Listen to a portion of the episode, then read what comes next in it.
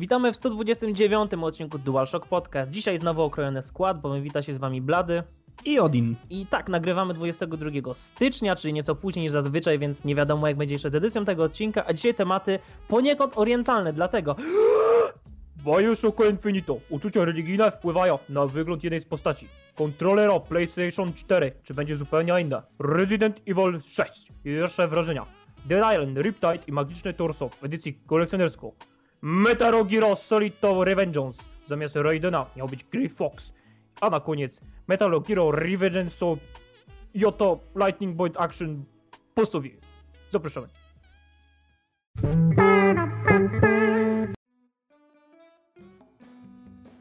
Go. Okej. Przepraszam, Odin, ukradłem ci kwestię. Pierwszy temat, okej. Czyli Bioshock Infinite i zmiana jednej z postaci. To jest temat, na który wpadliśmy równolegle, jednocześnie przed podcastem i pomyślimy, okej, może z tego będzie mała dyskusja, a mianowicie właśnie faktycznie przez wpływ członków zespołu na pana Kena Levin e, doszło do pewnej zmiany w fabule, czy też samej, przynajmniej charakterystyce jednej z postaci, a chodziło bowiem o aspekt religijny, który ma być dość silny. E, Jak to wygląda? Z miejsca zdarzenia Odin Odiński, DualShock Podcast. To wygląda bardzo dziwnie, dlatego że ja cały czas zastanawiam się, czy to jest ta zmiana na lepsze, czy to jest ta zmiana dlatego, że było zbyt dobrze i musiało wyglądać to gorzej, musiało wyglądać mniej prowokująco. Dlatego, że Lewin powiedział właśnie, że z racji tego, że w jego studiu pracują ludzie, którzy są bardzo, bardzo religijni, i pochodzą z bardzo religijnych środowisk, to on jednak odczuł na sobie nacisk, że jednak musiał coś zmienić. Tak więc zastanawiam się, co tak naprawdę miało taki ogromny wpływ na niego. I czy Bioshock Infinite przez to nie będzie grą bardziej ugrzecznioną, bo chyba zawsze i każdego z graczy cieszy, kiedy dostajemy grę, która jednak łamie pewne konwenanse jednak przełamuje pewną barierę, której inne gry boją się przełamywać albo której boją się przekroczyć.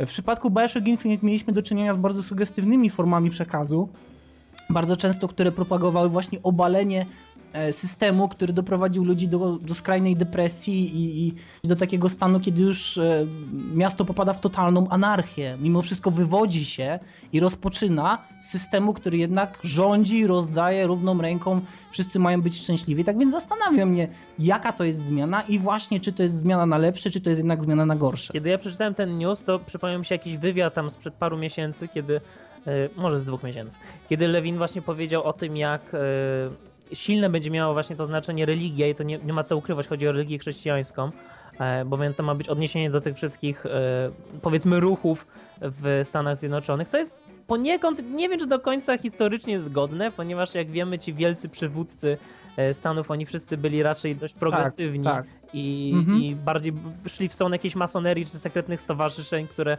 kultywowały naukę e, i w jakiś tam sposób właśnie ten, ten kult człowieka, a nie człowieka na krzyżu. Niemniej e, właśnie ten wątek religijny ma być dość silny w Bioshocku i na przykład sam Lewin powiedział, że mu było bardzo ciężko pisać postać natchnioną religijnie, kiedy on sam nigdy nie miał żadnego takiego, powiedzmy, religijnego przeżycia w życiu, momentu, w którym by poczuł jakby obecność jakiejś siły wyższej. E, I właśnie mówił o trudnościach z tym związanych, bo jak spojrzymy na Ryana z Bioshocka, to mu jest właśnie blisko do takich myślicieli, także człowiek na pierwszym miejscu, człowiek, człowiek, samorozwój, szukanie swojej drogi, a właśnie w Bioshock Infinite ma być ta, ten inny przywódca, właśnie ten przywódca, który używa w jakiś sposób religii do manipulacji, może trochę zawężania ludzkich spojrzeń, co nie uważam, że... No kto by pomyślał? Znaczy ja nie uważam, że religia zawsze powinna zawężać, nie, nie uważam, że każda religia zawsze zawęża spojrzenie, jednak nieprawidłowo użyta, czy, mm, że tak powiem, zgodnie z czyjąś nieco intencją, może temu służyć, więc on pisał tę postać i jak ja przeczytałem, że członkowie zespołu właśnie nie chcieli być, they were upset, to też z jednej strony pojawia się tam myśl, że aha, czyli ugrzecznia, ale z drugiej strony może to znaczyć, przynajmniej ja tak chcę wierzyć i teraz się bawić trochę w adwokata diabła, że może on dopisał taką drugą stronę medalu, żeby pokazać właśnie, że uwzględnić znaczenie religii w życiu wielu ludzi, bo znam ludzi, którzy przeżyli naprawdę traumatyczne chwile w życiu i religia to jest coś, co im wtedy pomogło i do dziś pomaga.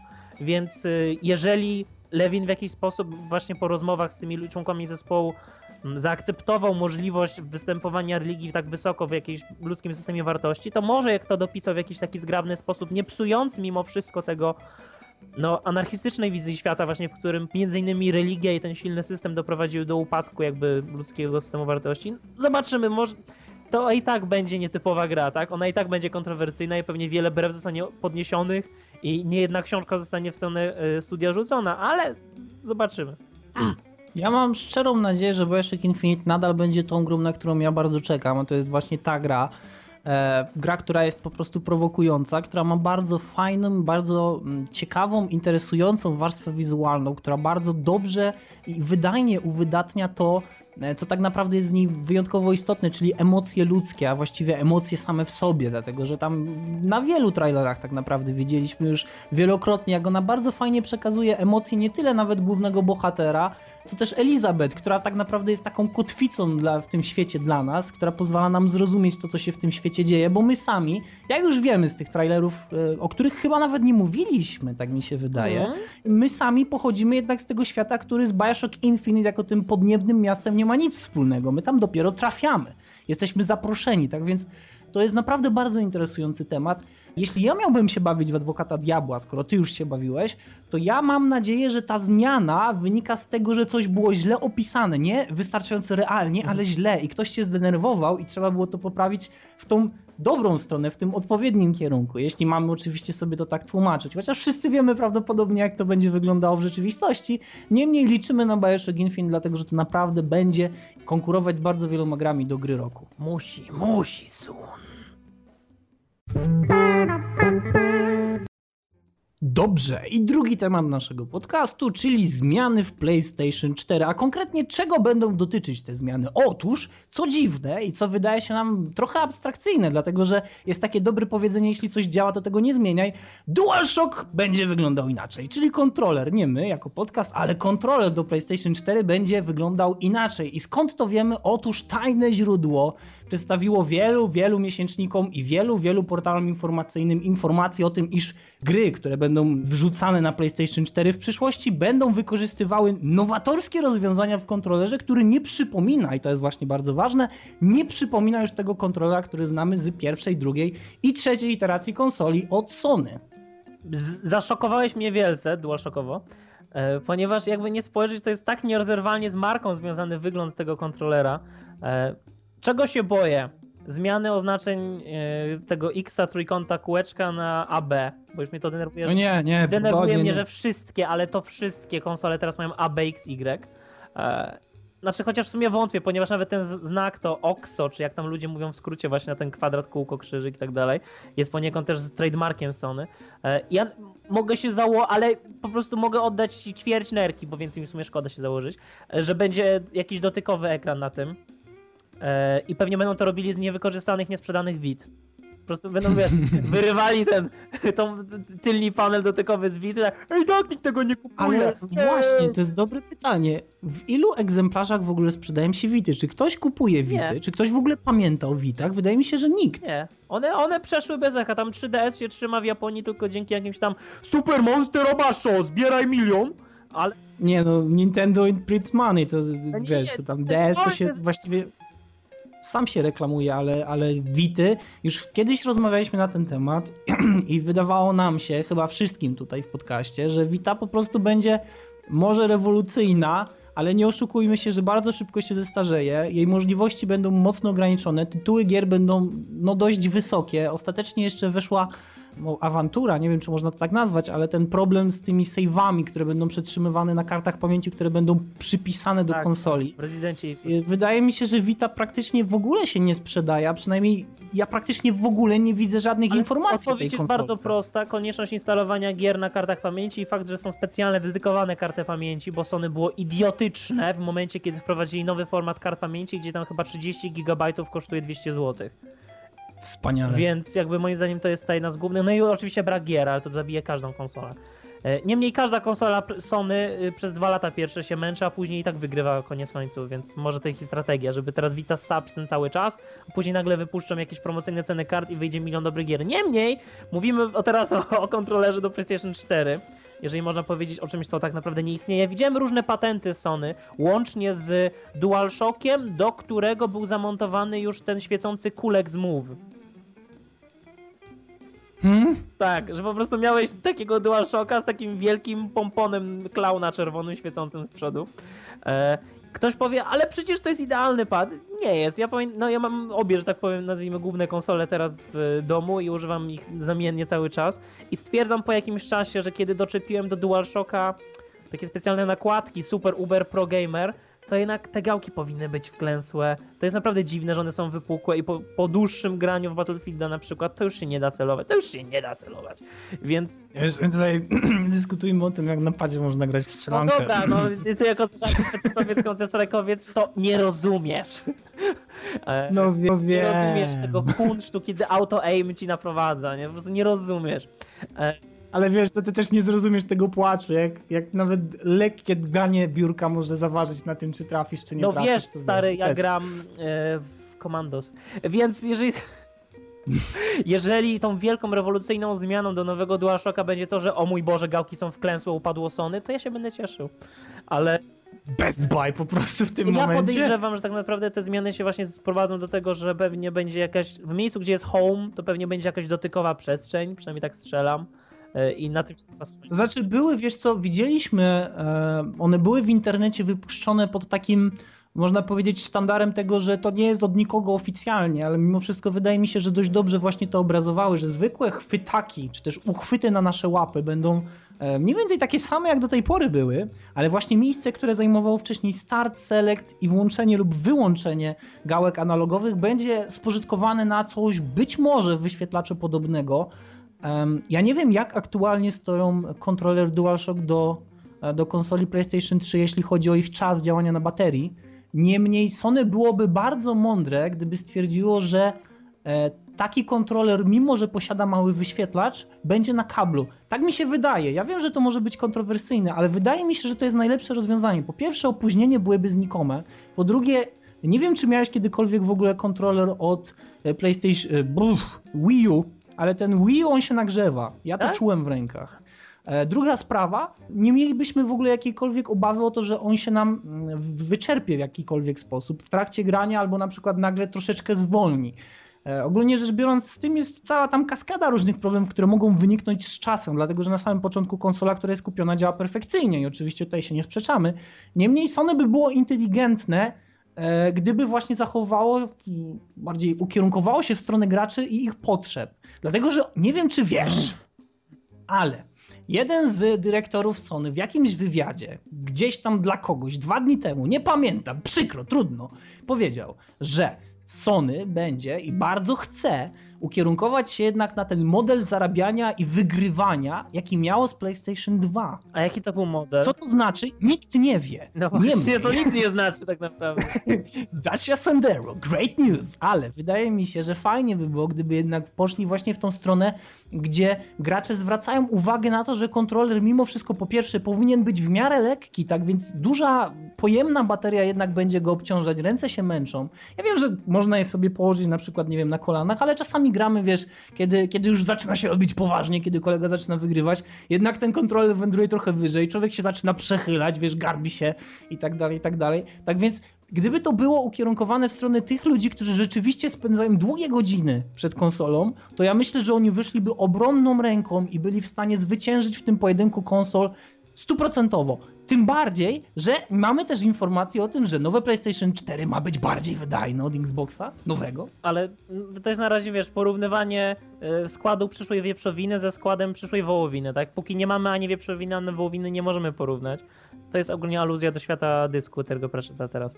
E, jeżeli mamy te kontrolery teraz, to jeżeli faktycznie będzie tam, jeżeli będzie tam touchscreen, jeżeli on tam będzie, to i tak wszyscy będą mówili, kopiujecie od Nintendo, bo jednak Wii U ma tą, nazwijmy, zaletę, że wyszło pierwsze.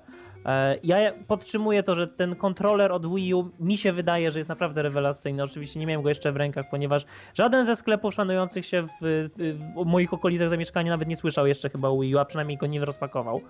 E, Jeżeli tam będzie touchscreen i zachowa, że tak powiem, precyzję i analogowość przycisków z DualShocka, naprawią te triggery, bo triggery w PlayStation tym nowym są tragiczne po prostu. E, Są? Triggery, czyli R2 i L2.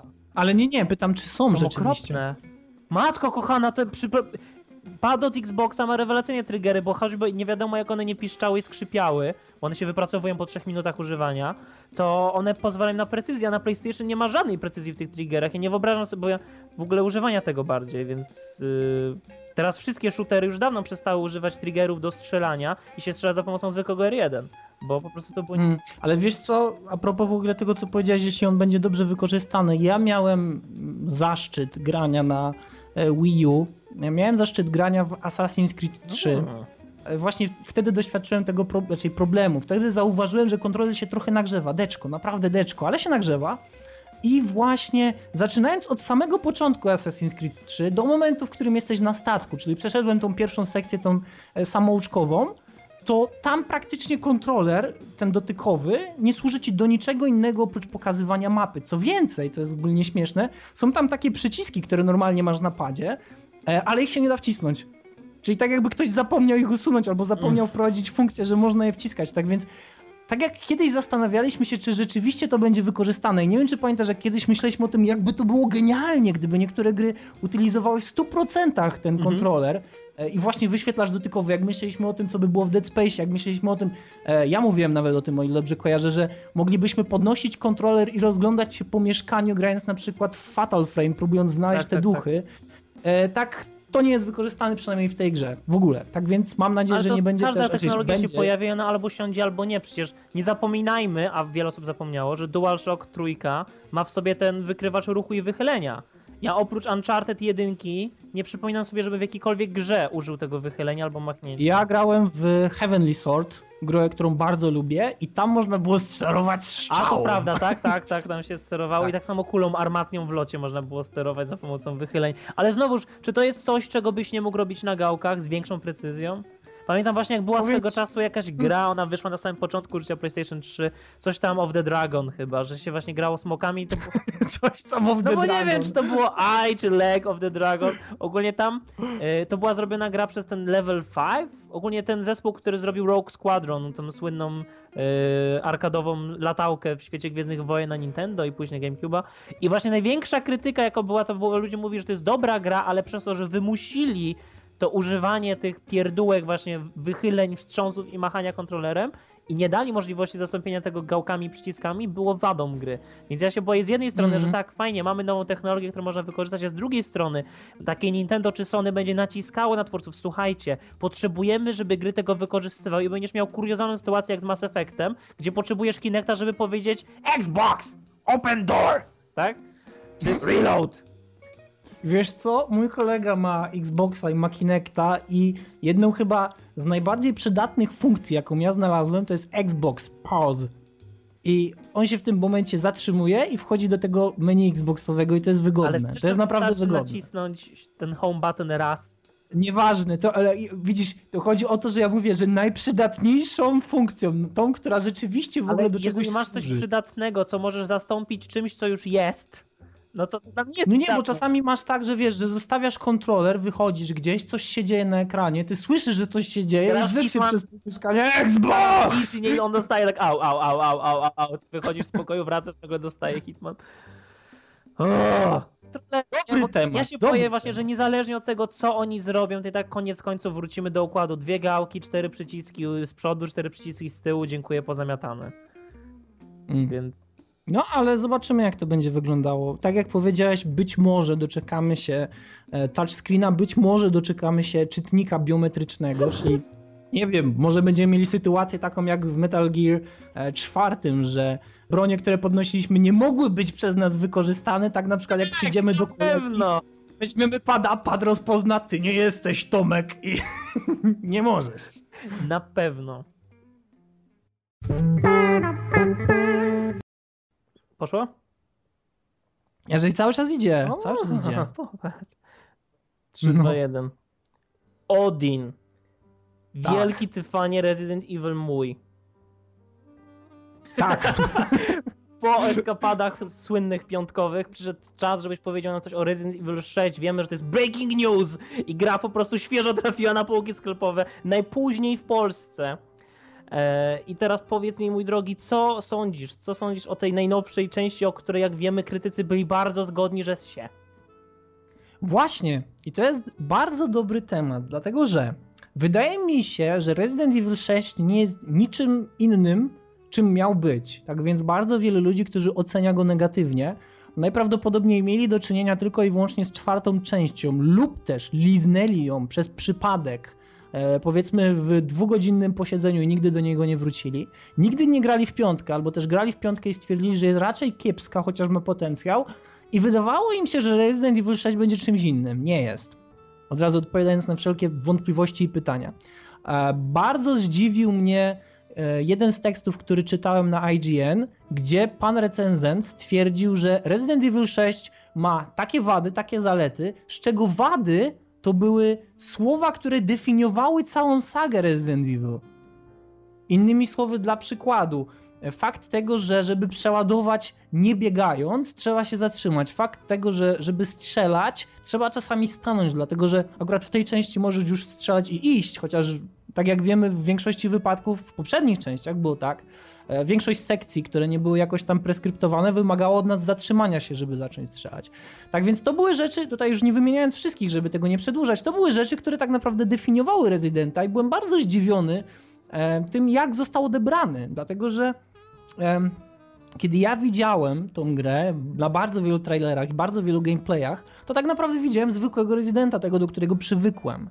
Em, no i tak naprawdę z tego zdziwienia nadal no, nie wydobrzałem. Nadal wydaje mi się, że ludzie trochę pochopnie osądzili i chyba e, ich, ich ocena, ich oczekiwania były zbyt wysokie w stosunku do rezydenta, który nadal jest jednak tym rezydentem, do którego nas przyzwyczaiła ta seria.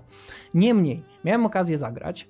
E, I wydaje mi się, że jest w miarę w porządku, chociaż do wielu rzeczy mogę się przyczepić. I to jest bardzo pobieżna recenzja, tak więc nie traktujcie tego jak mój, jako mój ostateczny osąd, czy jako moje ostateczne zdanie. Tak więc e, to na pewno jeszcze ulegnie wielu przemianom i wielokrotnie się zmieni. Niemniej, Resident Evil 6 cierpi na e, jeden konkretny problem. Otóż gameplayowo te trzy kampanie się od siebie aż tak bardzo nie różnią. Było wiele razy wspominane, że tak naprawdę, jeśli przyjrzymy się na całokształt, to są trzy różne gry.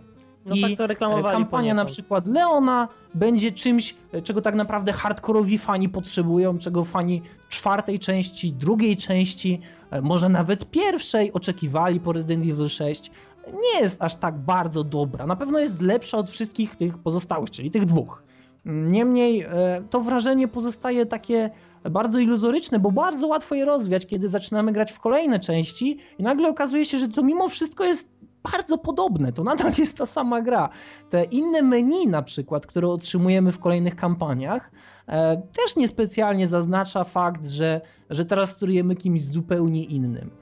E, tak więc ogólnie rzecz biorąc mam takie mieszane uczucia co do Re- Resident Evil 6, niemniej grałem samodzielnie. A tak jak wszyscy wiecie, mam nadzieję, Resident Evil 6 został zaprojektowany po raz kolejny, tak jak piąta część, do tego, żeby grać go kooperacyjnie. Tak więc, jeśli tylko pokaże się na PC-tach, a ponoć kiedyś się pokaże, mam nadzieję, że w Polsce znowu nie będzie tak, jak w przypadku wersji konsolowej, że na ostatnim miejscu, to na pewno razem z Michałem postaramy się zaopatrzyć w Resident Evil 6 i na pewno w niego Excellent. zagramy. Ja miałem okazję zagrać, zagrać u kolegi i mogę powiedzieć na pewno, że niektóre sceny, niektóre sytuacje są bardzo fajne i bardzo wybijają się na tle pozostałych, bardzo przeciętnych elementów gameplayowych. Dla przykładu, mamy moment, kiedy wpadamy do autobusu i ten autobus zostaje zepchnięty z przepaści. I kiedy jest na tej skarpie, przychylając się do tyłu i do przodu, my leżymy na ziemi i zaczynamy zabijać kolejne zombiaki, a w tle uderza błyskawica, która co chwilę rozświetla ten autobus, gdyż bez tego kompletnie nic nie widzimy. To są naprawdę bardzo fajne elementy, ale jest bardzo wiele elementów, które już tak fajne nie są. Dla przykładu mamy nieskończone fale przeciwników, którzy zawsze będą się respawnować, jeśli nie przejdziemy przez odpowiedni punkt. E, Mamy sytuację, w której na przykład musimy zdobyć klucz na cmentarzu, e, coś co mi utkwiło w pamięci bardzo dobrze, i ten klucz zostaje porwany przez psa. I pies zaczyna uciekać, my go zaczynamy gonić. E, Wydawałoby się, tak jak do, można powiedzieć, przywykliśmy już do tego, że ten pies w pewnym momencie się zatrzyma. Nie, on cały czas spieprza. Tak więc jeśli, jeśli będzie nam się wydawało, że w pewnym momencie no, on się zatrzyma i my go gdzieś znajdziemy, to jeśli nie będziemy za Ale to nim jest biec... taka growa logika, będziemy- nie? Jeżeli mamy uciekających przeciwników, którzy się zatrzymują i dają nam czas, żeby ich dogonić, to narzekamy, że o, nierealistycznie, bo dał mi się dogonić, tak? A jeżeli naprawdę ktoś nam ucieka, to jest takie, hej, to nie fair. To znaczy, widzisz, on ma coś takiego, że on się zatrzymuje na chwilę i bada grunt geodezyjnie, nie wiem co on wtedy robi. I wtedy można do niego podbiec i można coś tam mu wyrządzić. No, konsekwentnie musimy go zabić, tak, żeby wziąć ten klucz z jego pyska. E, niemniej, jeśli nam się nie uda, to ten pies znowu ucieka. I zanim go znajdziemy, musimy znowu przebrnąć przez tą falę przeciwników, którzy cały czas e, na nas się zlewają i tak naprawdę w pewnym momencie można już mieć tego dosyć, najzwyczajniej w świecie, dlatego że oni się po prostu nie kończą. Tak więc jest bardzo wiele elementów, które nie są specjalnie, e, nie są specjalnie ciekawe. Kampania dla syna Weskera jest, e, jest właśnie tym pomiędzy, chociaż tam chyba najwięcej pojawia się tej akrobatyki dla, dla tego syna Weskera, którego imienia już zdążyłem zapomnieć. Jay? Dlatego, że on tak naprawdę, nie, wiem jeszcze nawet, nie wiem, on jakoś Om. się nazywał, No, to, jest właśnie syn tak, że Weskera, on to go definiuje, tak? tak, syn Weskera, on nie pozostaje specjalnie w pamięci, tak więc to chyba też dużo znaczy. On bardzo często, kiedy atakuje, to nie atakuje normalnie, tak jak do tego przywykliśmy już w poprzednich częściach Rezydenta, chociażby w piątce, gdzie, gdzie Chris uderzał po prostu bardzo silnie pięścią. Nie, syn Weskera po prostu robi półobrót, tak jak Chuck Norris, albo nawet czerwony wojownik Power Rangers. To Mhm. wygląda bardzo dziwnie. E, Niemniej to jest Resident, naprawdę. Tak więc w dwójkę ta gra będzie bardzo fajna. Wydaje mi się, że poziom trudności w Rezydencie jest na wysokim poziomie. Fajnie brzmi, nie? E, tak czy inaczej są sytuacje, kiedy mamy mnóstwo ludzi, którzy zrzucają w nas granatami albo na przykład strzelają z wyrzutni RPG. Tak więc robi się ciekawie. Ta gra jest to jest jeden z tych, jeden z tych typów gier, tak jak rozmawialiśmy z Blanem przed podcastem, które są złe, ale chcesz w nie grać. I do tego jednak potrzeba odpowiedniego typu człowieka. Kołapa. Tak więc jeśli widzisz Wtedy można po... znieść każdą tak. grę tak naprawdę. Tak, wydaje mi się, że tak. Ale jeśli widzisz po trailerach, że coś do ciebie przemawia z tej gry, to myślę, że warto zaryzykować. Ale jeśli tego nie widzisz, to wątpię, żebyś to odnalazł, dlatego że Resident Evil jednak nie uległ tak dużym zmianom, jak nam się wydawało. To jednak nie jest ta rewolucja. To nadal jest gra, która przypomina mniej więcej styl gameplayowy z 2000 roku. Tak więc jest dużo zmian na lepsze, ale to nadal jest mniej więcej to samo, tak więc wydaje mi się, że tutaj no jeszcze będziemy musieli trochę poczekać. Niemniej chciałem się podzielić, dlatego że no, miałem okazję zagrać. E, No i jak już wszyscy wiemy, bardzo nastawiam się na Residenta, bardzo na niego czekam. E, No i teraz tylko pozostaje liczyć na to, że wersja PC-towa ukaże się jak Teraz najszybciej. ja dorzucę swoje trzy grosze, ponieważ nie wiem czy wiesz, ale grałem w demo Resident Evil 6 na PlayStation, który jest zadziwiająco rozbudowanym demem jak na dzisiejsze czasy, bo my mamy dostęp do trzech misji z trzech różnych kampanii w demie, mój drogi. E, I przeszedłem przez kampanię e, właśnie tą Leona, Chrisa i nie byłem w stanie przejść przez kampanię syna Whiskera, ponieważ już mnie wtedy znudziło za bardzo. Niemniej, kiedy grałem, zacząłem od kampanii Leona, bo pomyślałem, o, to jest więc ten stary Resident Evil, który tak bardzo cenił sobie Bizon.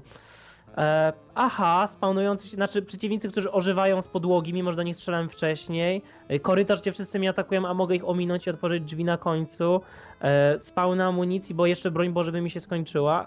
Nie, jakoś nie czułem tego za bardzo. Tym bardziej pomijam, znaczy ja wiem, że te sztuczne drętwe dialogi mają być sztuczne i drętwe, ale mimo wszystko jak ktoś nie zna serii, jakby nie, jest wczu, nie wczuje się w ten klimat tego filmu klasy C, to jest naprawdę ciężko, tym bardziej właśnie, że grałem sam. A w ogóle gra jeszcze robi tak. Czy chcesz grać z kolegą? Nie. Czy chcesz się połączyć do PlayStation Network? W tej kolejności tak. Nie, właśnie ci powiedział, że nie chcę z nikim grać, nie łączy mnie z PlayStation Network. Więc to, to, to było dziwne. Ale kiedy grałem w kampanię Chrisa i tam ogólnie mamy jakąś tam misję eskortowania tego snajpera, nie wiem, zapomniałem jak się nazywa. Czy w Resident Evil 5 było tak dużo tych sekcji, które się składały z wielkich potworów i eksplozji? Ja mam wrażenie, że fanom się bardzo podobało w poprzednich częściach to, że idziesz sobie korytarzem, walczysz z jakimiś potworami, a tu po jakimś czasie był nagle wielki syf i to było fajne, a nagle oni pomyśleli, mm, ludziom się podobają te wielkie syfy, więc dajmy ich jak najwięcej. I moim zdaniem właśnie to jest takie za bardzo pójście w stronę filmu, akcji, a nie e, właśnie tego... Ja wiem, że to nie jest już dawno survival horror. Ja po piątce nie oczekuję, żeby to był survival horror. Ale mimo wszystko jakiś element suspensu, a nie eksplozji na środku dnia. Przynajmniej takie miałem wrażenie, więc kiedy już dotarłem właśnie, grałem pod rząd do kampanii tego Weskera, pobiegałem chwilę, poskakałem, poturlałem się, poleżałem na ziemi, co jest zresztą fajnie, że można strzelać leżąc, ale po jakimś czasie to się staje co najmniej dziwne. E, I znowuż system walki maile jest nieco przesadzony i czasem aż chcemy, żeby nas przeciwnik zaatakował, żebyśmy mogli mu założyć zawsze trafiającą kontrę. Więc to nie jest dla mnie, chociaż z największą przyjemnością zobaczę, jak będziecie przechodzili we dwójkę, bo właśnie piątka mi się najprzyjemniej, najb- najprzyjemniej mi się grało, kiedy patrzyłem, jak ktoś inny grał. Więc, y, więc poczekam na wasz ten, na wasz let's play.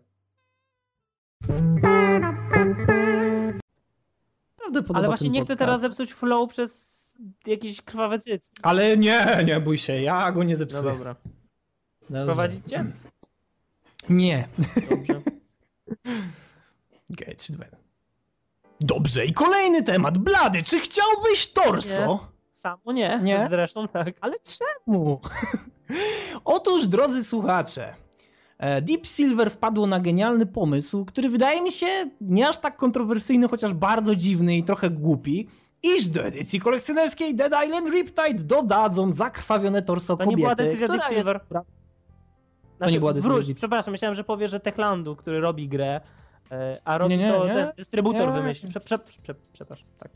No, tak czy inaczej, mamy Producent. to torso. I teraz to jest jedno z tych rzeczy, tak jak kiedyś rozmawialiśmy, nie wiem czy pamiętasz, Woman Repellent. Pamiętasz jak myśleliśmy o tym, jak to ciekawie musiało wyglądać, jak na przykład zabiera, jakby to wyglądało oczywiście, jakbyś zabrał jakąś dziewczynę swoich marzeń, swoich snów do swojego pokoju, ona wchodzi, ładny masz pokój, a to co jest? A to jest po pierwsze grala, nie, wiesz, spoko. To jest plecak z Crazysa, tak?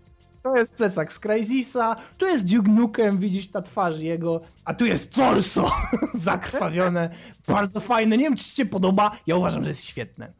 E, To byłaby no, najkrótsza właśnie- randka. Tak, to by była, to by Nawet była jak na jedna z bardzo...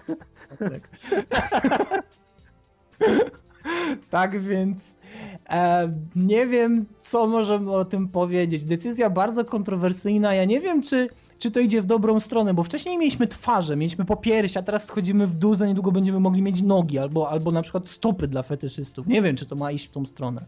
E, tak czy inaczej, bardzo dziwna decyzja. Jeśli ktoś jest fanem Dead Island, jeśli ktoś jest fanem rozczłonkowywania ludzi, em, to być może, jeśli ktoś nigdy piersi na oczy nie widział, nawet plastikowych, no to to jest dobry wybór, ale mi się osobiście wydaje, że z jednej strony to jest, to jest zwykły plastik i, i niekoniecznie, ale z drugiej strony to jest bardzo takie dziwne, bo to nie jest kontrowersyjne. Mieliśmy bardziej kontrowersyjne decyzje na rynku gier i elektronicznej rozrywki, ale, ale, ale To jest dziwne. Głupie, to jest po prostu głupie i to jest taka właśnie. Widzisz czasem coś, co jest kontrowersyjne, czasem wiesz, że coś jest przesadzone, żeby było przesadzone, a to jest przykład tak.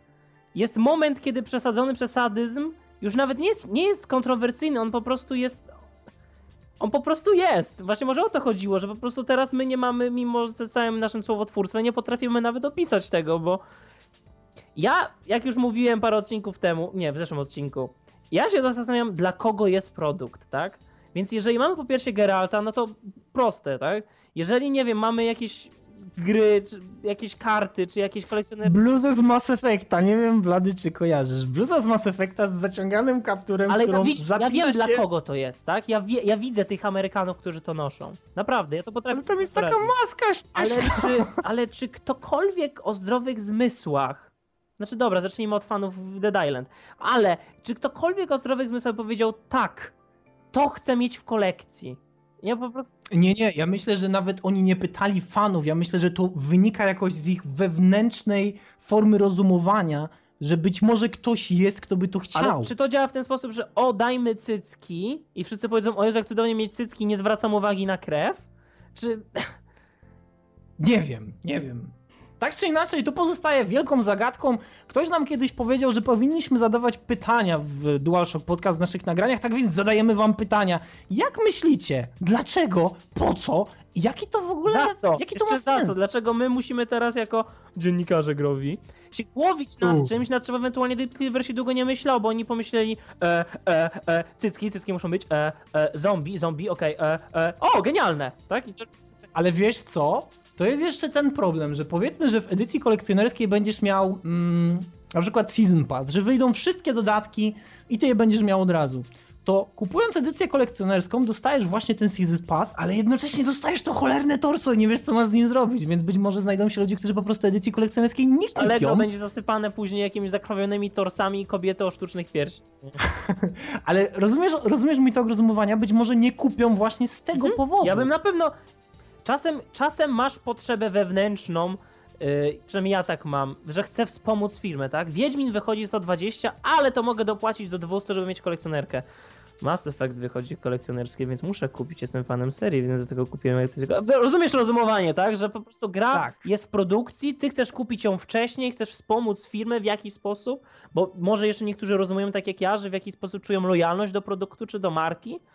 Bo na przykład, nie wiem, już teraz wiem, tak, że będę kupował kolekcjonerkę Cyberpunka, może tam też będą robotyczne cycki, nie wiem. Ale po prostu jesteś fanem Riptide, tak? I na przykład mówisz kogoś, że zamówiemy kolekcjonerską. On już nigdy nie będziesz zaproszony na jakąkolwiek imprezę. Nigdy. Po Hmm. prostu ludzie będą po prostu zawsze cię łączyli z tym, że aha, więc masz y, zakrawiony tors, dobrze. Ale wiesz, Deep Silver ponoć rezygnuje z tego O pomysłu. nie! Czy się z negatywnym, Tak dobry pomysł. z negatywnym odbiorem? No, najprawdopodobniej nie tak, dorośli niestety. jeszcze do... Y... Gracze nie dorośli do cycków i krwi. Być może. Bo być właśnie może. to, czego jest mało w grach, nie? Więc tego nam brakowało po prostu.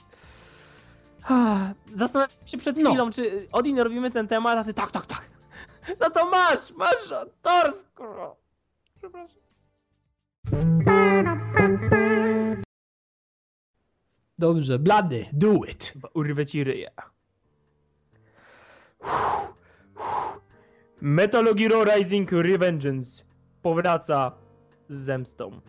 E, Odin, czy wiesz Tak. jaka była historia powstawania Metal Gear Rising? O Jezu, nie, proszę opowiedz. Otóż opowiadam. Otóż jak wszyscy wiemy, początkowo projekt zaczął w Kojima Productions i to miał być ten moment, kiedy Kojima oddaje pałeczkę reżysera swoim O. pod, podopiecznym i oni mieli zrobić grę skradankowo-mieczo-walczącą o tym, jak Raiden pomiędzy wydarzeniami z dwójki a czwórki, prawda, się wykaksza jako cyborg. No, ale jako, że projekt nie szedł do przodu, ogólnie się potykali ciągle o własne nogi, gra była odwlekana, silnik nie leżał im, no to w końcu stwierdzili chrzanić to, Kojima uratował wszystkich i po prostu przekazał prawa do... Yy... O Jezu, plat...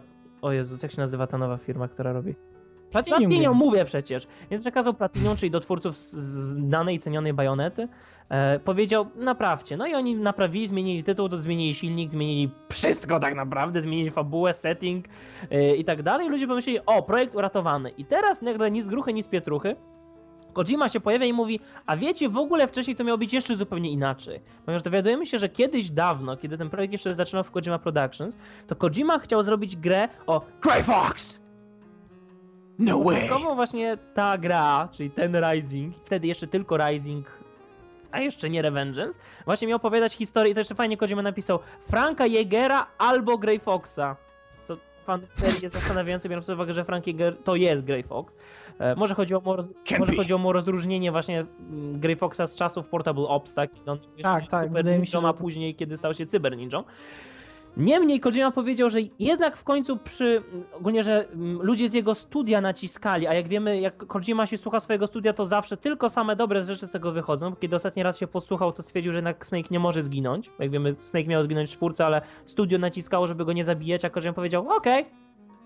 Więc też teraz chciał, żeby Po raz kolejny uratował ale mi sagę. podoba, podoba mi się właśnie teraz to, że no, chciałem, żeby to była gra o Grey Foxie albo Franku Jägerze, jednak członkowie zespołu naciskali na Raidena i dobrze się stało, bo inaczej musiałbym napisać scenariusz. Co jest dla mnie jeszcze Mm. bardziej interesującym. Czyli co, a skoro jest Raiden, to można to chrzanić i niech oni sami to robią, czy... Nie, nie rozumiem po prostu... Logical explanation. Co? I widzę związku, tak? Pomiędzy tym, że skoro to jest Raiden, to nie muszę pisać scenariusza. Czy Raiden nie zasługuje na tą samą uwagę, która była poświęcona Grey Foxowi? Biorąc pod uwagę, że Raiden jest jedną z niewielu postaci w sadze, który naprawdę odbywa niezwykłą podróż psychologiczną ze sobą, z pojmowaniem świata i tak dalej. A jak zwrócimy właśnie uwagę na to, jak Raiden w czwórce się godzi w końcu z tym, że chce być z rodziną, że nie chce już być tą bestią, że on chce być z Rose, chce być tym swoim dzieckiem, to nie! Powraca teraz, oczywiście, znowu ubiera swój strój, znowu bierze katanę, znowu jest cyborgiem. Co jest oczywiście jak najbardziej A jest chyba jeszcze bardziej cyborgiem niż jeszcze bardziej był. cyborgiem niż był, jest oczywiście super mega koksem. Yy, I to po prostu zadaje pytanie, czy o to ci Kojima cały czas chodziło, że skoro nie ma Grey Foxa, to możemy zepsuć postać Raidena jeszcze bardziej niż to zrobiliśmy w czwórce? Po prostu.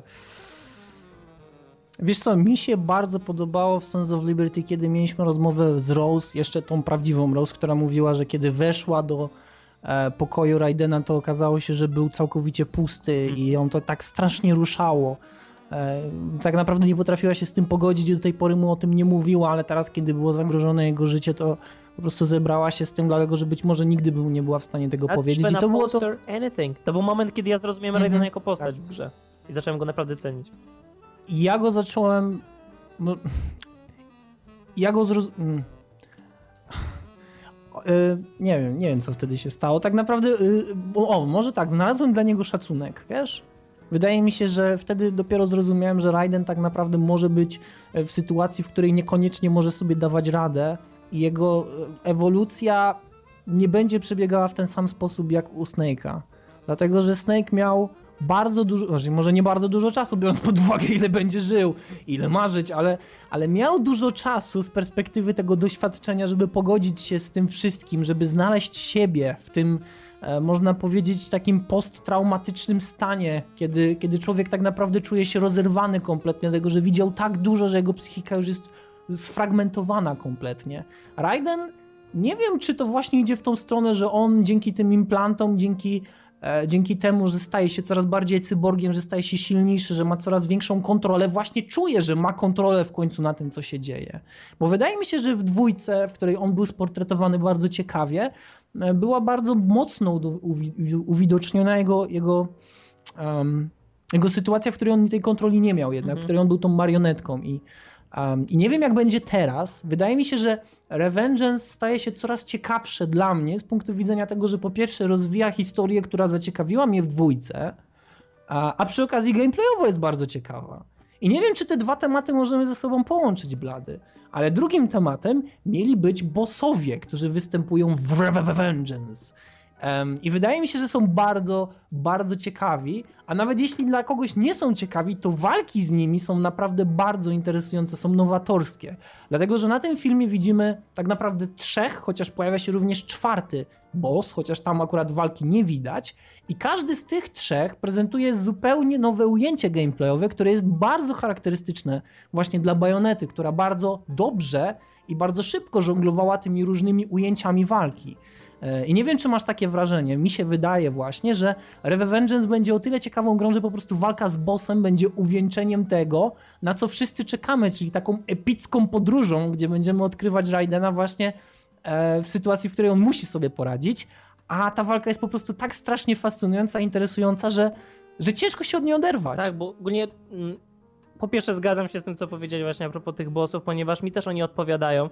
Znaczy pomijam design, bo ja jednak ja jednak jestem za tym za tym momentem w sadze, kiedy to jeszcze miało jakieś pozory realizmu i wiem, Oczywiście, ja, ja wiem, również. że Revengeance ma być taki i ja poniekąd, znaczy szanuję to, co Platinum zrobiło, nie szanuję Kojimę za to, że jakby pozwolił na to, ale skoro Platinum już to robi, to robi to dobrze w ten sposób. I po twórcach Bajonety można się spodziewać właśnie tego, że boss będzie szokował, zadziwiał i wymagał, właśnie to mi się podoba, czasem jest fajne w bossach w grach to, że boss jest po prostu tym trudnym przeciwnikiem i my wykorzystujemy nasze zdobyte na przestrzeni gry zdolności, żeby powiedzieć sobie, ok, jestem przygotowany, teraz wykorzystam to, to, to i to, to jest skuteczne, na to muszę zwrócić uwagę, zbadam jego ruchy, zbadam jego ciosy i będę sobie w stanie poradzić. A z drugiej strony masz takiego bossa, który ci się pojawia, zaczynasz odpalać ten swój super atak rozczłonkowania, a koleś się zaczyna regenerować, tak? Czy jakby zup... A on robi on nope. robi nope, nope, nope, so much nope! Więc, Ale właśnie, chyba najlepsze w tym wszystkim jest to, że mamy właśnie ale to jest mój bossa, ulubiony. który Z tego wszystkiego właśnie najfajniejszy moim zdaniem jest ten boss, który się nazywa Monsoon! I Monsoon, pomijając to, że ma całkiem fajny design hełmu, nie wiem, jakoś wyjątkowo mi przypadł do gustu jego hełm, tak y, on może się rozczłonkić.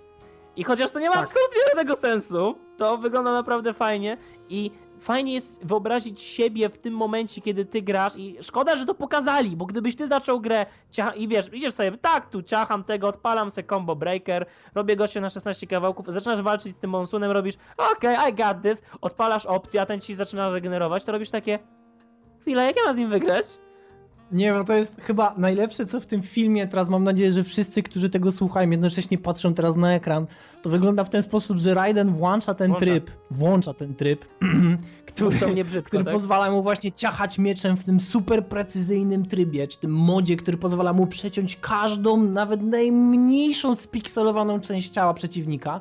E, I co się dzieje? I ten Monsun po prostu zaczyna się dzielić na te fragmenty i każdy, za ka- każdorazowo miecz po prostu przechodzi przez niego na wylot, nic mu nie robiąc. To wygląda po prostu komicznie. Ja widziałem gif, gdzie ten Monsun po prostu tak wielki napis się nad nim pokazywał. Nope, nope, nope, nope, nope, nope, nope. Za każdym razem, kiedy Raiden machał mieczem. Naprawdę świetnie Ale to wygląda i uważam, że to jest naprawdę tak świetny pomysł. wrogu normalnie tam wyświetla, wiesz, hit, combo, bazooka. To powinno być Tak. nope, nope. Nope, nope.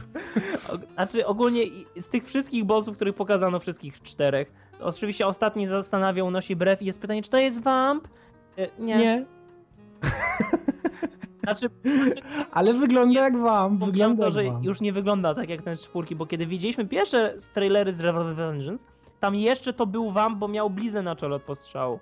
Teraz moja Mhm. teoria jest taka, że ten koleś, którego widzimy, to będzie o, podążałem szlakiem wampa od początku, wiem, że do tego zabiłeś. Jestem jego wielkim fanem, dlatego patrz jak walczy jak on. Are you the one to finally finish me? Tak, on właśnie wtedy ci powiedział, prawda, Raiden? I teraz powiem ja tak samo. Więc Nie, tam, tam chyba jest ten moment e, na jednym z pierwszych trailerów, gdzie mieliśmy właśnie to ujęcia na tego gościa. Wtedy już wszyscy spekulowali, czy to jest vamp, a on w tym momencie tak zmrużał kogoś, Tak. taki pik, i ludzie, Jezu, to jest vamp! Nie, a potem, nie, to nie jest vamp. Aha.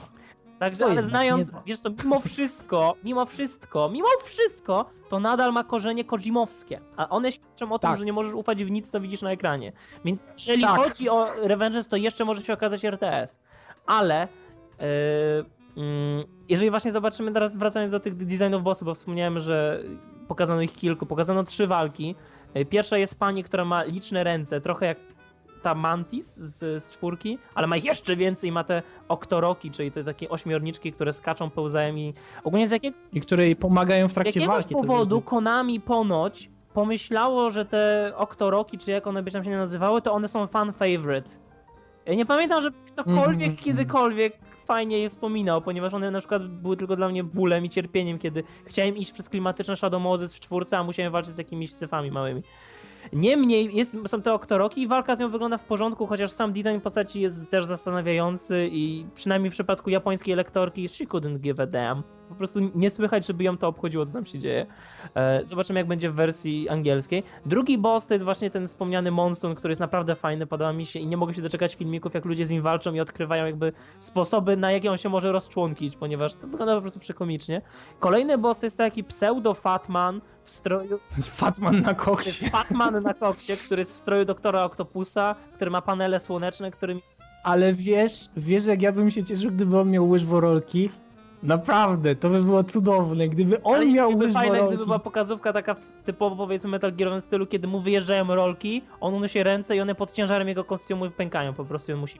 Nie, on, on, on ma te rolki i nagle wyciąga takiego drinka. I ty robisz. No tak, Can you see where my inspirations come from? You know. No, to jest, to jest z tych trzech bossów, który gameplay jest pokazany, po, walki z pseudowampem nie ukazano, więc jakby to ma być chyba ta wielka tajemnica. Nie wiem, ja bym wolał, żeby nie pokazywali w ogóle walk z bossami. Bo jednak jest taki moment w grze, kiedy to jest jeszcze ta stara, designowa, levelowo, pegasusowa era, kiedy się wchodziło do pokoju, albo widziałeś na mapie, tak, że zbliża się duży pokój myślałeś, o Boże, będzie boss. Otwierały się drzwi i było, ma ha ha ha, jestem ogień man, użyję ognia, żeby z tobą walczyć, tylko nie rusz tej gaśnicy w rogu, tak? I wtedy w jakiś sposób to było magiczne. A teraz skoro już wiemy, jak mniej więcej będzie wyglądała walka, to... No nie wygląda to już, znaczy to nadal może być, znaczy to nadal będzie zaskakujące, nawet jeśli to zobaczysz w trakcie grania po raz drugi, to wydaje mi się, że to nadal będzie miało to, ten impact, o który, o który właśnie chodzi, kiedy gramy w takie gry.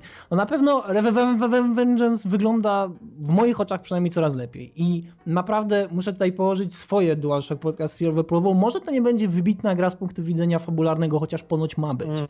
ale na pewno jeśli chodzi o gameplay, em, to po prostu mnie do siebie przekonuje. I już tak jak widziałem właśnie demo Revengeance, które kończy się walką z tym, można powiedzieć, takim psi robotem, e, może jednak będą jakieś rzeczywiście fabularne zawiłości, które nas wciągną, ale nawet po tym demie 30 30-minutowym, po tym powiedzmy 40-minutowym demie, ja stwierdzam, że mimo tych błędów Revengeance jakoś się wkupuje w moje łaski i trafia w Megusta. Trafia w twojego usta. Ja sam myślę, że swoją przygodę, jeżeli będę miał zaczynać z Revenge, zacznę od, wbrew pozorom od bajonety. żeby jakby się co nieco wprowadzić w ten klimat i gameplay, jakby filozofię myślenia Platinum, ponieważ nie miałem okazji zagrać w żadną ich grę jak na razie, chociaż chciałbym Vanquisha. E, I wiem, że Bizon mi zazdrości, że mogę grać w Vanquisha. Ha, ha, ha, tego nie robię, żeby jeszcze bardziej mu nazwać. Budujesz suspense. Więc, więc, więc zobaczymy ogólnie. Fabu- Dla mnie Metal Gear jako fabuła skończył się dawno, teraz oceniam to jako gry, a jako gra Revenant nie zapowiada się źle. Więc jeżeli to jest pozytywna opinia z mojej strony, to chyba już bardziej nie będę pozytywny, ale wbrew pozorom jest ona pozytywna, więc ten zawiły, typowo prosty dla Kojimy sposób, jakby tutaj się kończy moje zdanie i Odin, czy jeszcze coś mamy o Revenge Revengeance? Chyba nie. Dobrze. W takim razie y, To the Batcave.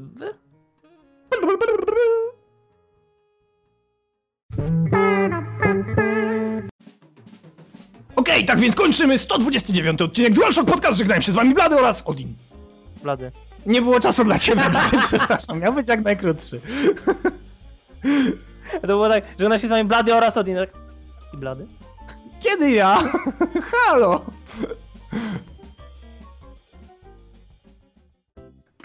Dobra. Wiesz, że Paragon zawsze, że te paragony zawsze się kończą, jak na, przyjdzie twoja kolejka, albo tuż przed tobą, nie? Mi się kiedyś zdarzyło, że w kasie zabrakło tuszu, ba, ba, badon, boże. Blady. Nie wiem czemu tak. Zabrakło tuszu w Biedronce, jak podchodziłem i nie, nie dało się paragonu wydrukować. I ja mówię, nie trzeba, nie? A ona, ale ja panu muszę wydać. Ale to Ale ja mówię, ale ja nie chcę. Ale, Ale, ale, ona, ale, ja, nie ma co chcesz! Ale ja muszę panu wydać, nawet jeśli pan go nie weźmie, to ja muszę go panu wydać. A ja, a można na drugiej kasie? Nie. I wiesz, tak, a kiedy zostanie wymieniony tłuszcz? No właśnie szefowa pojechała po tłuszcz. A ja, aha, fajnie. To proszę sobie przejść, to proszę sobie przejść na bok i poczekać, a wszystkich państwa za tym panem zapraszam do drugiej kasy, gdzie tuż jest. Kurwa, po prostu fajnie, dziękuję, Mogła bardzo ci anulować dziękuję. wtedy sprzedaż na tej pierwszej kasie i z całości skasować na drugiej. Nie, nie, nie, bo szefowej nie ma. Szefowa ma tylko kluczyk, który pozwala na anulowanie. What? Rozumiesz? No tak, bo to nie jest tak, że kasjerka może Co anulować. nie może? Ile razy tak właśnie, Boże, coś tam big? A, źle nabiłam, przepraszam. Nie, w Biedronce masz tak, że one dzwonią Może takim nie. dzwonkiem i wtedy przychodzi kierownik A, czy o, kierowniczka i o, wiesz, Może raz kluczyk. coś takiego, ale wiesz, u nas w, u nas w Sopocie na przykład, Tak, nie no wiesz, no, akurat Gdynia, ale tam mimo wszystko.